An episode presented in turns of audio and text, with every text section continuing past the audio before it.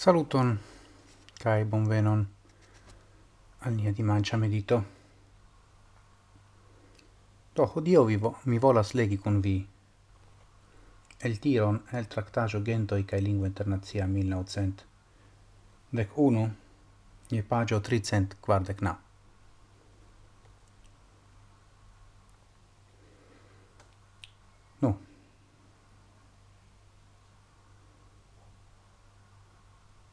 ne sole oni ne povas pruvi che ciu nuna logianto nella terra appartenas alla sama gento al cio appartenis liae malproximae pravoi, sed contraue.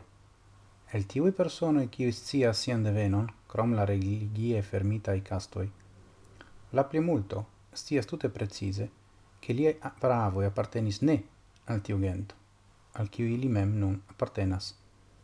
Kaj tamen ĉu iu povus diri ke ekzemple la grandaj rusaj i Karam Karamsin, Pushkin au Lermontov ne purai, plei purai puraj rusoj kvankam iliaj pravoj estis ne rusoi?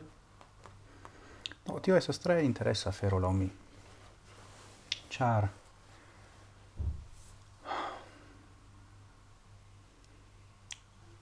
la plimulto de la homaro ancora resonas laula linioi de gentoi, kai do de popoloi kai nazioi kai etnoi. Ni consideru la vorto in gento kiel ni diru ombrela vorto cioè ah ah casa safero con la lumo. No ja ne gravas.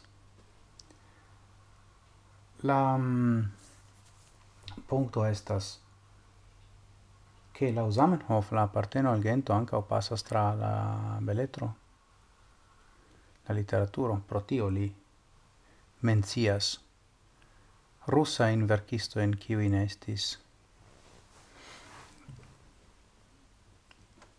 Pra ave russai cioè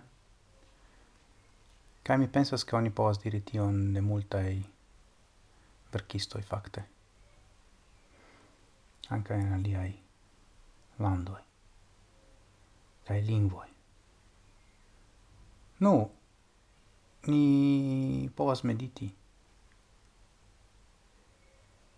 pri la rilato inter eh, apparteno al gento kai apparteno al lingvo kai al literaturo, al beletro. no estas uh, malfacila temo, sed kiel ne por dimancio laŭ mi. Estas bona temo, ĉu? Bone. Do mi esperas ke vi ĝuis vian uh, semenfinon.